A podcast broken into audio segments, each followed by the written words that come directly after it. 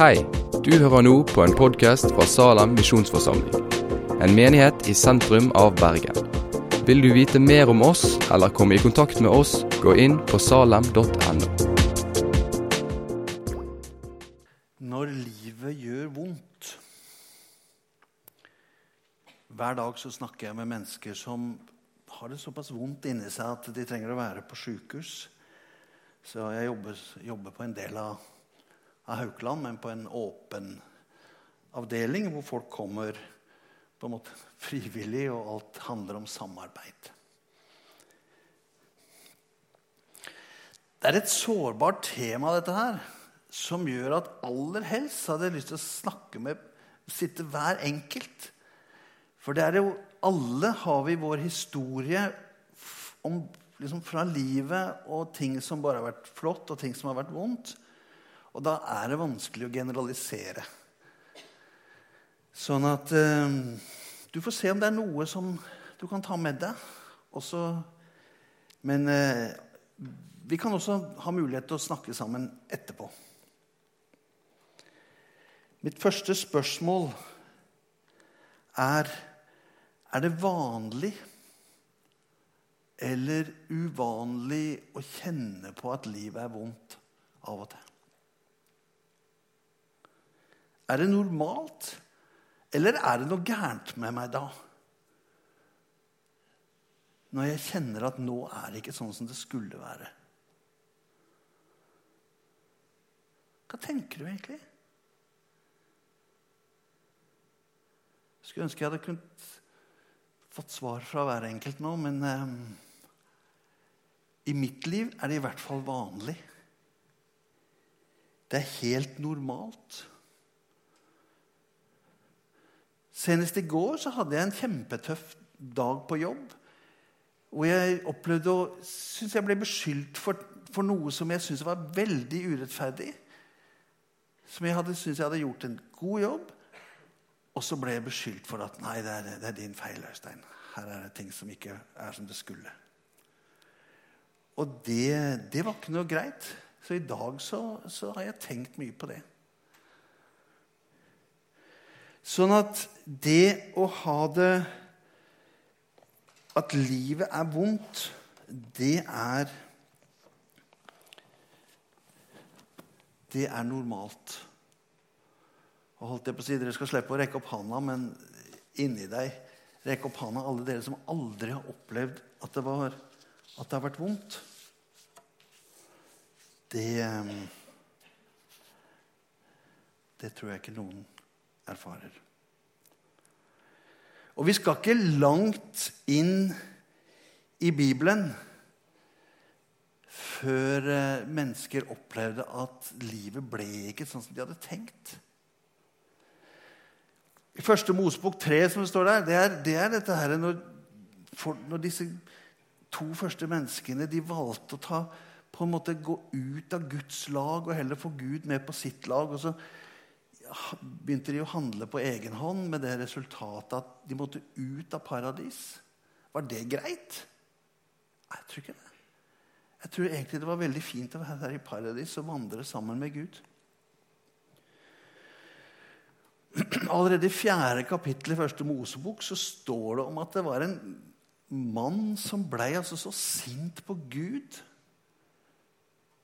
og så sjalu på broren sin. Og hva gjør man da? Jo, Da slår man han i hjel. Altså. Det var det Kain gjorde med, med, med broren sin. Han dælja han i hjel. Og så kan vi følge Bibelen opp igjennom. Var det greit å være Josef og først bli hivd i en brønn? Og så, etter å ha handla rett og gjort det som var rett i Egypt, og bli sittende i et fengsel Det var ikke sånn fengsel med TV og eget rom. liksom Veldig sånn flott. Det var trasig plass. Fordi han hadde handla rett, så ble han putta i fengsel, og der satt han. Var det greit å vandre rundt i den varme ørkenen i 40 år? Var det noe moro? Uh -uh. Det tror jeg ikke. Jeg tror det var særdeles varmt og tørt. Har du vært i ørkenen noen gang? Kanskje noen timer på en kamel sånn der i soloppgang. Men i 40 år, da. Hver dag spiser den samme mannen hver eneste dag. Det var faktisk ganske utfordrende. Og så, da, flotte byen Jerusalem. Så ble den ødelagt, og mange ble drept. Eller så ble de tatt til et helt annet land. Var det noe moro? Nei. Så har vi masse navn nedover. Daniel og Jobb og han Peter som gråt bittert etter at han hadde fornekta Jesus. Så kunne jeg det. Jesus, da. Den eneste som har, har en erfaring ingen av oss andre har. Å bli forlatt av Gud. Min Gud, min Gud, hvorfor har du forlatt meg? Det var ikke godt. Det var vondt. Og i dagens verden så er det særdeles mange som forfølges fordi de har en kristen tro. Ja, hva med litt årsaker? Hvordan oppstår vonde tider, vonde dager, vonde opplevelser for oss? Det oppstår vel av helt sånne allmenne årsaker når vi for noen år siden hadde den tsunamien. Eller mennesker som erfarer krig, eller det skjer noe som bare skjer for alle, og som på en måte ingen der og da har ansvar for sånn, av de som er involvert. i hvert fall. Men det blir innmari vondt. Så Det er det allmenne. Og så har vi mine egne årsaker. da. Altså opplevelse av at en hendelse som har skjedd meg, ikke stemmer med mine verdier eller det som jeg mener er, er rettferdig. eller noe sånt, Sånn som jeg opplevde i går på jobben.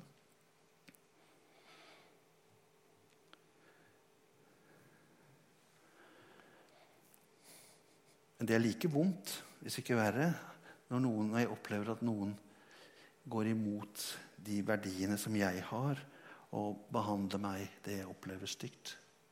Urettferdig. Men det er altså ikke uvanlig. Og Vi hørte det på øh, filmen her i stad, fra Mongolia. Det tok tid å lære å elske hverandre sånn.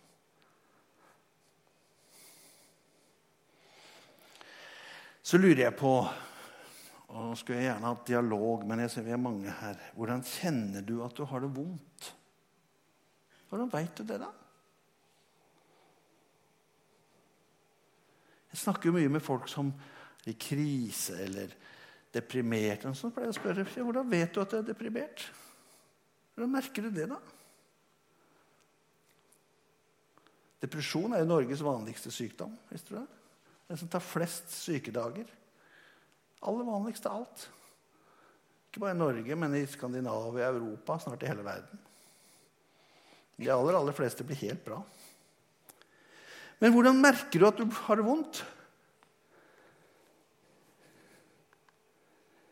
Jeg har satt opp noen en rekke her.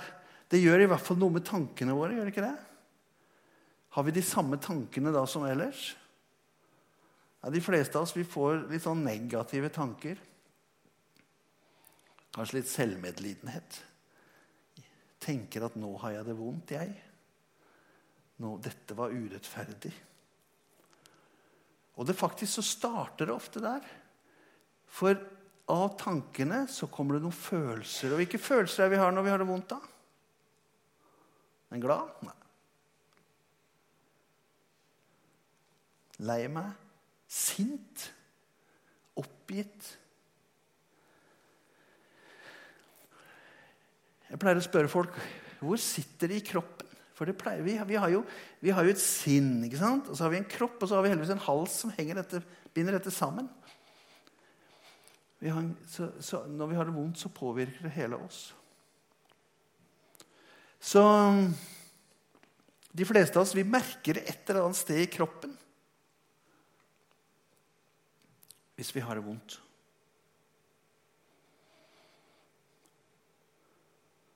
Åssen går det med energien? Blir den sprudlende? Nei. Dette veit dere.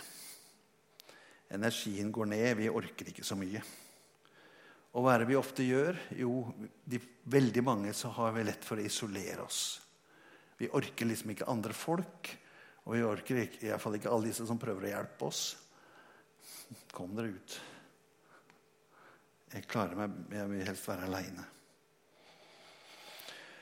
Og hva vi sier, i hvert fall til oss sjøl og til andre, er ofte mye mer preget av tristhet og, og sinne og sånn. Og så Hva med gudstroen, da? Gjør det noe med gudstroen? Ja, for meg har det gjort det noen ganger. Jeg har hatt noen perioder hvor jeg har hatt det ordentlig kjipt. Og da tenker jeg, da, da har jeg erfart at da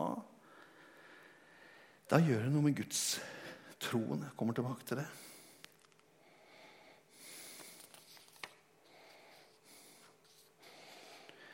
Sånn at når vi har det vondt, så får vi en sånn, nesten sånn kaotisk blanding av tanker og følelser og, og, og handlinger. Fantasier. Og de fantasiene er jo ofte mye verre enn virkeligheten. Har du merka det noen gang? Liksom begynner, tankene begynner å spinne. Så blir de ofte mye verre enn, enn det som egentlig er. er. Det er den første tanken vi får. Ja, det er jo bare å lese der. Vi begynner å an anklage andre.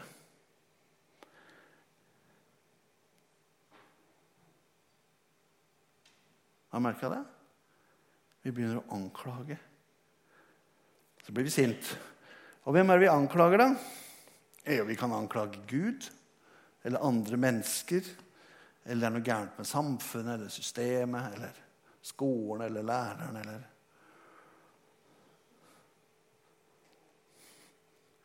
eller oss sjøl. Så sånn anklage, det kan Som veldig ofte kommer som det første når vi får det vondt. Da er det, vi, det er to, måter, to steder vi kan anklage. Det er enten inn mot meg sjøl, hvor jeg blir lei meg, jeg kjenner meg såra, det er vondt, og jeg har lyst til lett å trekke meg tilbake. Isolere meg. Eller vi kan sette, rette anklagen mot andre.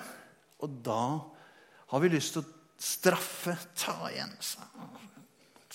Skikkelig ta igjen. Jeg er sint. Og så kan det bli en bitterhet som, som bare blir der og vokser og blir større.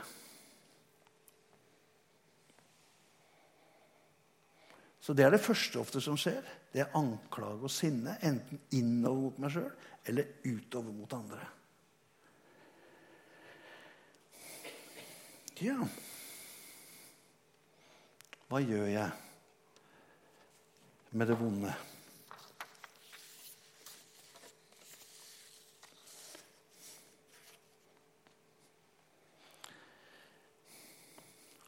Når du har det vondt, hva gjør du da?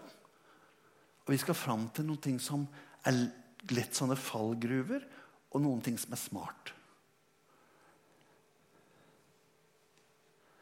Og så har jeg lyst til å spørre om du kan tenke litt på hva skjer Prøv å tenke, tenk gjennom hva skjer når du fortsetter med å fortelle noe som er vondt.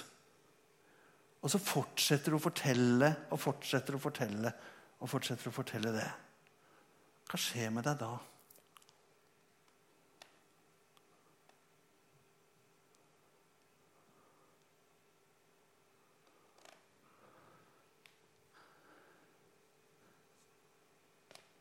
Skal jeg si det? Stort sett så blir det mer vondt. Ikke sånn å si det en gang eller to til en som du stoler på og har tillit til. og sånn. Det er smart. Fordelt smerte blir fort halv smerte. Men når vi fortsetter å fortelle, så viskes for hver gang vi forteller, så viskes litt av detaljene liksom ut. Og så, det, så det som skjedde, blir mindre og mindre tydelig. Men så er det noe som blir mer og mer tydelig, og det er de negative følelsene. De blir bare større og større. og større, og større. Til slutt så husker du ikke hva det egentlig handla om, men du kjenner bare de innmari vonde følelsene. Så hvis du har veldig lyst til å bare ha det vondt hele tiden, så må du bare passe på å fortelle det på nytt og på nytt. Og få med deg alle de vonde følelsene og passe på at For det blir bare sterkere og sterkere. Så det er en veldig fin måte å, å ha det vondt på. Hvis det er målet.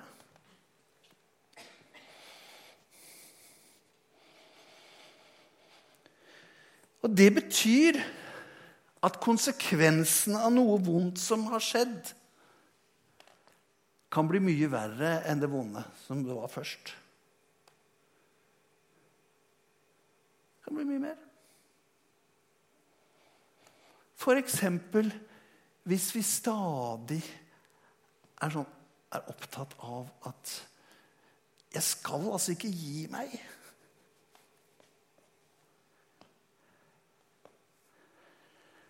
traff en dame som fortalte om at hun hadde blitt kjempeurettferdig behandla for 30 år siden. Og det var hun. Hun fortalte. Det var ikke greit, det som de, de hadde gjort mot henne på jobben. Det var stygt. Og det hadde hun gått og tenkt på, hun. Og da ble hun jo deppa, da. Hver gang. Masse sånne depresjonsperioder. Og så spurte jeg ja, er det så smart? Hva får du ut av det der? Og En dag så kom hun og så sa hun, Øystein, nå har jeg bestemt meg. Nok er nok. Nå har jeg tenkt nok på det der. Nå har disse dumme menneskene ødelagt nok for meg. Nå har de ødelagt den gangen for 30 år siden, så har de ødelagt også hele tida. Vil si, de hadde jo ikke gjort det. Det var jo hun som hadde latt det skje. ikke sant? De var jo, hadde jo glemt det for lenge sida. Og så sa han det er bare så dumt at jeg måtte bli 80 år før jeg skjønte dette her. Ikke bli 80. Før du skjønner at du kan ta ansvar for hvordan den utviklingen her skal gå.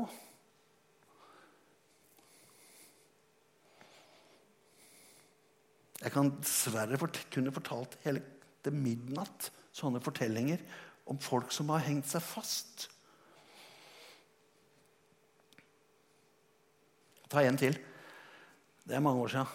Hilste på, Det var på alderspsykiatrisk. Gamle på Haukeland. Det er revet, det nå, heldigvis. Eh, kom de inn et par. De var jo vært pensjonister i mange år. Og så Ja, dag, doktor Elgen, sa jeg. Ja. Og så sier eh, kona Nei, sier, sier, mannen til kona. 'Fortell det, du.' Ja, fortell det, du. Ja, ja.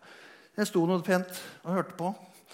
Så fortalte han altså fortalte de hvordan han, når de var, han, de var lova på ca. 50 år siden, hadde vært besøk på nabogården, og så der bodde det søt dame.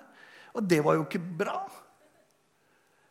Men det hadde, hadde hun minnet ham på hver eneste dag. Åssen var dette forholdet, tror du? Hver dag satt anklaget. Hadde ikke slutta med den første anklagen, hadde bare fortsatt.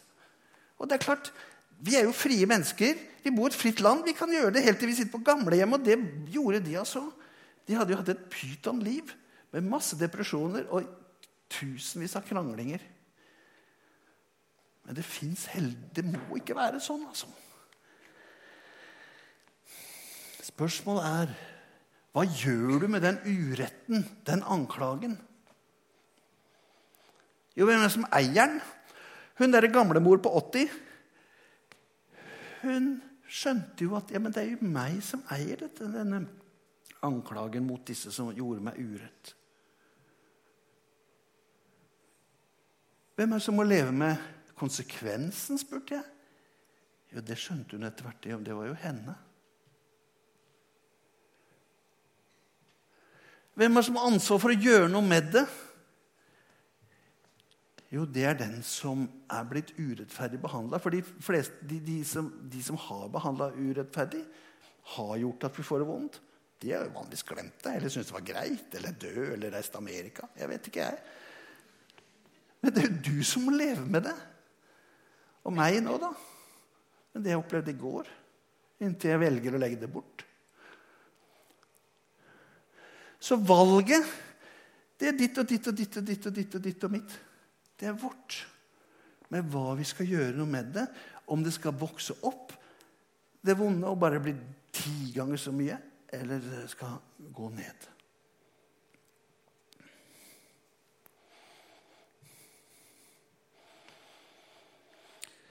Så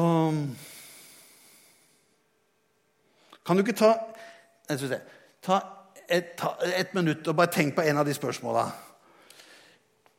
Tenk på en hendelse som har skjedd, og hva du må, gjøre med det.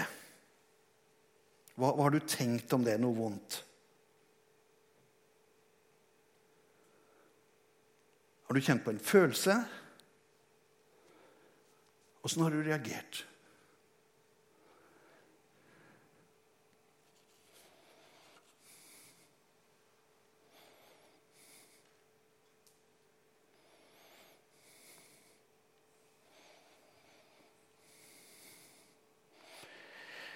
Så er det sånn at det vi bestemmer oss for å se etter, det ser vi.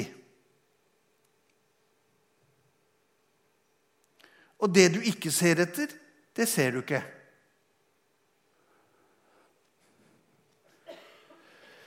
Vi må alle velge Og det, altså, det, vi ser etter Når vi har sett en ting mange nok ganger, hvis det er noe det vonde, så blir det på en måte det sant. Vi er nødt til alle sammen å velge hva er det som vi har som sant her i livet. Hva er din sannhetskilde? VG? Eller Dagblad? Eller en eller annen tilfeldig person? Eller hvem er det som er din sannhetskilde? Det handler om å bli bevisst på hva vi velger som sant. Også for hvordan vi skal takle det som er godt og vondt. Det er faktisk må jeg gå litt fortere enn jeg hadde tenkt, men ok. Det er faktisk to muligheter når vi har hatt det vondt her. De kan, de kan gå opp igjen og bare fortsette å ligge der og tære. Eller det kan bli mindre. Har noen av dere hatt et sår? Sånn kutt? Ingen som har hatt sånn kutt? Ingen som har hatt kutt. Men jeg kan fortelle deg hvis du får et kutt, så begynner det å blø. Og etter en stund så slutter det å blø. Det blir en liten skorpe på. Hva er det noen har gjort da, når de får en sånn liten skorpe? Er det noen som er liksom ja, 'Jeg skal bare se under'? Så begynner man å ta av skorpa. Det er ingen som har gjort det her. Hva skjer når du tar av skorpa? Hæ? Det begynner å blø igjen. Ti poeng til deg. Det begynner å blø igjen. Og så etter en stund så slutter det å blø, og så blir det en ny skorpe. Oi sann, det er en ny skorpe. Og sånn kan du fortsette og fortsette og fortsette. Og hva er det som skjer da? Jo, det arret som det endelig slutter, så blir det bare større og større. Hva er det som er smart å gjøre med sår og vonde ting? Når vi har et sår, hva er det som er smart da? La det gro. Det er smart. La det gro. Og ikke rive det opp hele tida. Ikke rive det opp hele tida. For det er ikke så smart.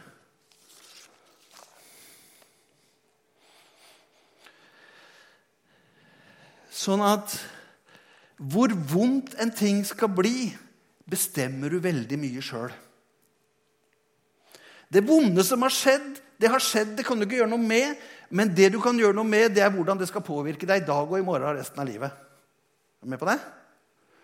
Det var en kar som het Viktor Frankel. Han satt i konsentrasjonsleir under krigen. Han sa de har eh, klippet av meg håret, de har gitt meg fangedrakt. De har stjålet alt jeg har, de har drept kona mi og barna mine. Han hadde ikke noe igjen. Jo, han hadde én ting igjen. Han sa det er én ting de aldri kan ta fra meg, og det er hvordan jeg skal reagere på dette. Det er jeg fri til. Det er du fri til. Hvordan du skal reagere. Skal du la såret gro, eller skal du rive det opp hele tiden? Bli mer og mer irritert og sint for hver gang?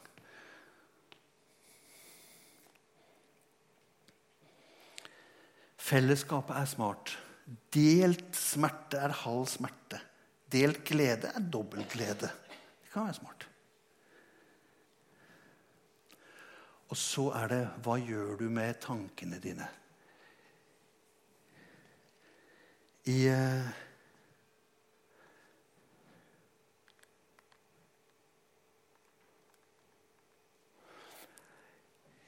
I Romerne så står det La dere forvandle. Altså La dere endre. og Det er det samme ordet som brukes når en sånn sommerfugl kommer ut av den der trange puppen sin. Den ligger der og har det mørkt og trasig. Og så kommer den ut. Det er ordet 'forvandle'. La dere forvandle ved at sinnet fornyes gjennom Guds ord. Så kan dere dømme om hva som er det rette, det gode. Det er Bibelens oppskrift for oss. La dere forvandle ved at sinnet fornyes, ved at tankene fornyes. Men da må vi få Guds ord inn. Er det det som er sannheten? Er, kan Guds ord være sannhet, og la det forvandle?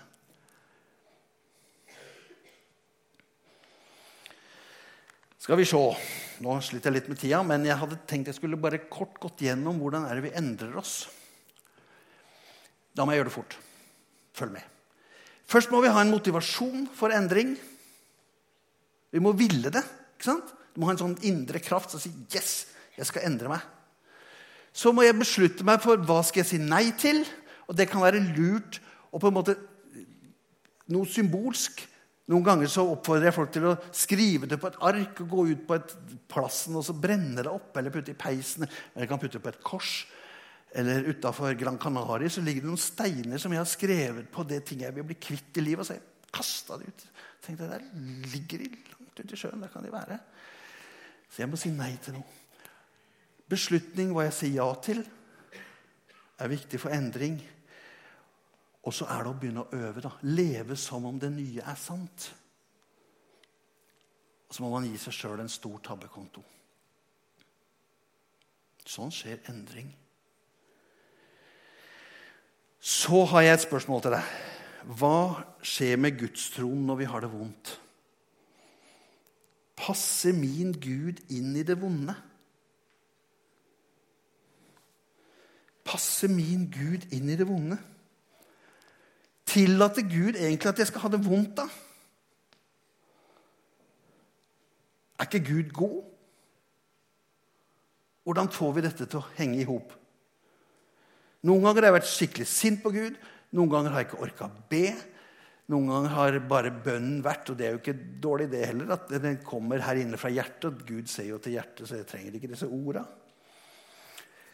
Men eh, det har vært vondt. Har det hendt at erfaringene du har med livet, det vonde i livet ikke stemmer med det du har lært. Det er ikke sånn jeg har lært Gud å kjenne. Det er ikke det han eller forkynneren sa. Erfaringen min er at det er mye vondere. Hva er det som stemmer da, da? Kart eller terreng, liksom? Vi lærer at Gud er overflod og velsigner og alltid gir oss det vi trenger, og er kjærlig og elsker oss. Og så erfarer vi ikke alltid det. Ikke jeg, i hvert fall. Så var det en som sa, 'Gud, hvorfor har du forlatt meg?'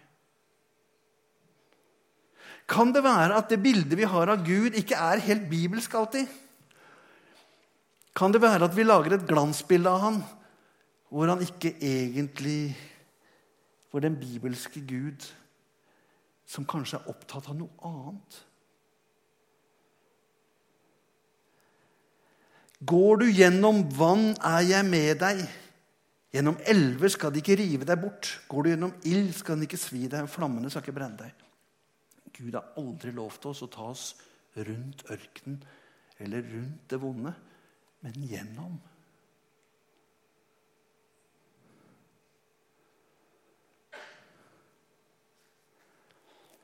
Kanskje betyr det, eller det er min påstand og min egen erfaring, da lærer vi Gud å kjenne på en annen måte som er mye dypere.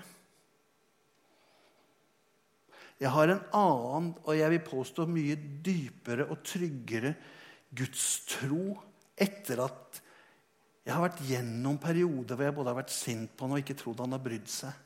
eller noe. For da har jeg lært Gud å kjenne på en annen måte og oppdaga at Gud er ikke først og fremst opptatt av at jeg skal komme utenom det vonde, men han vil lære meg at han er min far midt oppi det. Og din far midt gjennom det. Der er han. Fordi Gud er ikke opptatt først og fremst at vi ikke skal ha det vondt, eller at vi bare skal ha det glans og fint, men han vil at vi skal ha en dyp nærhet til han som far. Og det er vel kanskje lettest å lære gjennom smerten. Jeg har en venn som har gjort en fantastisk jobb i kristen sammenheng, i misjon, og få som han. Og nå sitter han der og kjenner på at nå orker han ingenting. Og da mener jeg ingenting. Og det har han gjort lenge. Og så sier han Øystein jeg tror det har vært nødvendig for at jeg skal bli kjent med Gud som min far. Og ikke bare streve som kristen, men å få lov til å hvile og bare være i Guds favn. Når jeg ikke orker noen ting, og når ting er bare vondt. Så Gud tillater, og Gud bruker det fordi han vil vi skal lære noe som er mye dyp, viktigere og dypere enn at vi bare har det greit. så kan du være åpen for ny lærdom.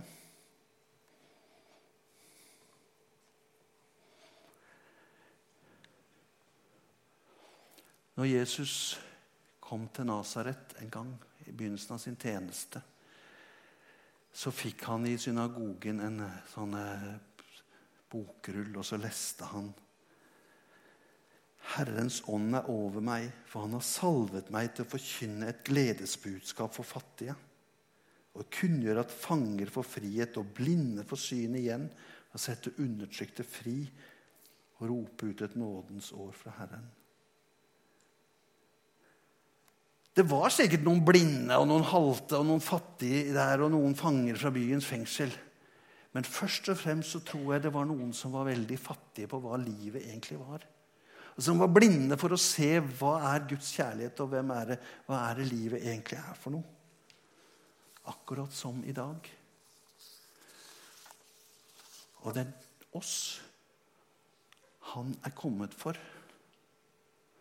Og så slutter han den talen med å si i dag, mens dere hører på at dette blir lest, så blir det oppfylt. For jeg er svaret på vår fattigdom over det vonde, og vår blindhet, og vår skrøpelighet. Sånn. Jeg er svaret den gangen som nå.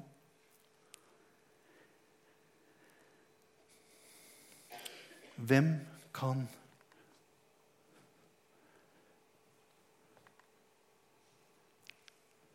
skille oss fra Kristi kjærlighet? Nød, angst, forfølgelse, sult, nakenhet, fare eller sverd. Han som skriver dette, hadde jo gjennomgått dette. Han hadde vært igjennom Var det greit, alt dette? Nød og angst og forfølgelse og sult? Nei, det var ikke greit. Det var vondt. Men han lærte noe mye, mye, mye dypere. Han lærte. For jeg er viss på at verken død eller liv, verken engler eller krefter, verken det som nå er eller det som kommer, eller noen makt, verken det som er det høye eller dype, eller noen, noe som helst, kan skille oss fra Guds kjærlighet til Kristus Jesus, vår Herre.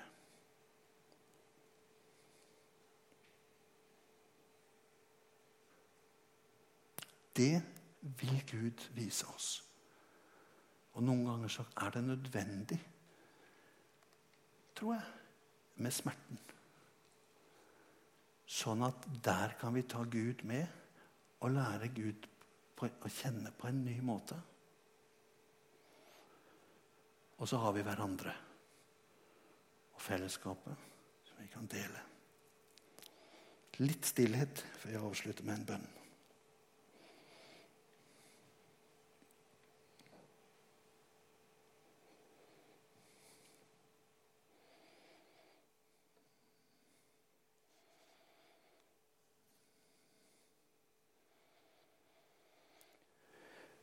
Himmelske Far, takk at ingenting kan skille oss fra deg, og at du er vår far. Midt i vår sårbarhet i det at vi er mennesker. Takk at du vil vise oss din kjærlighet, din nåde, din sannhet din godhet midt i våre vansker. Herre, hjelp oss til å involvere deg og ta deg med og spise et måltid med deg hver dag. Du som sier 'Se, jeg står for døren og banker'. Om noen åpner døren og holder, så vil jeg holde måltid være nær oss. Takk at du vil det. Uansett åssen vi har rota det til, eller andre har rota det til for oss, så vil du inn til oss og vise oss at ingenting kan skille oss fra deg.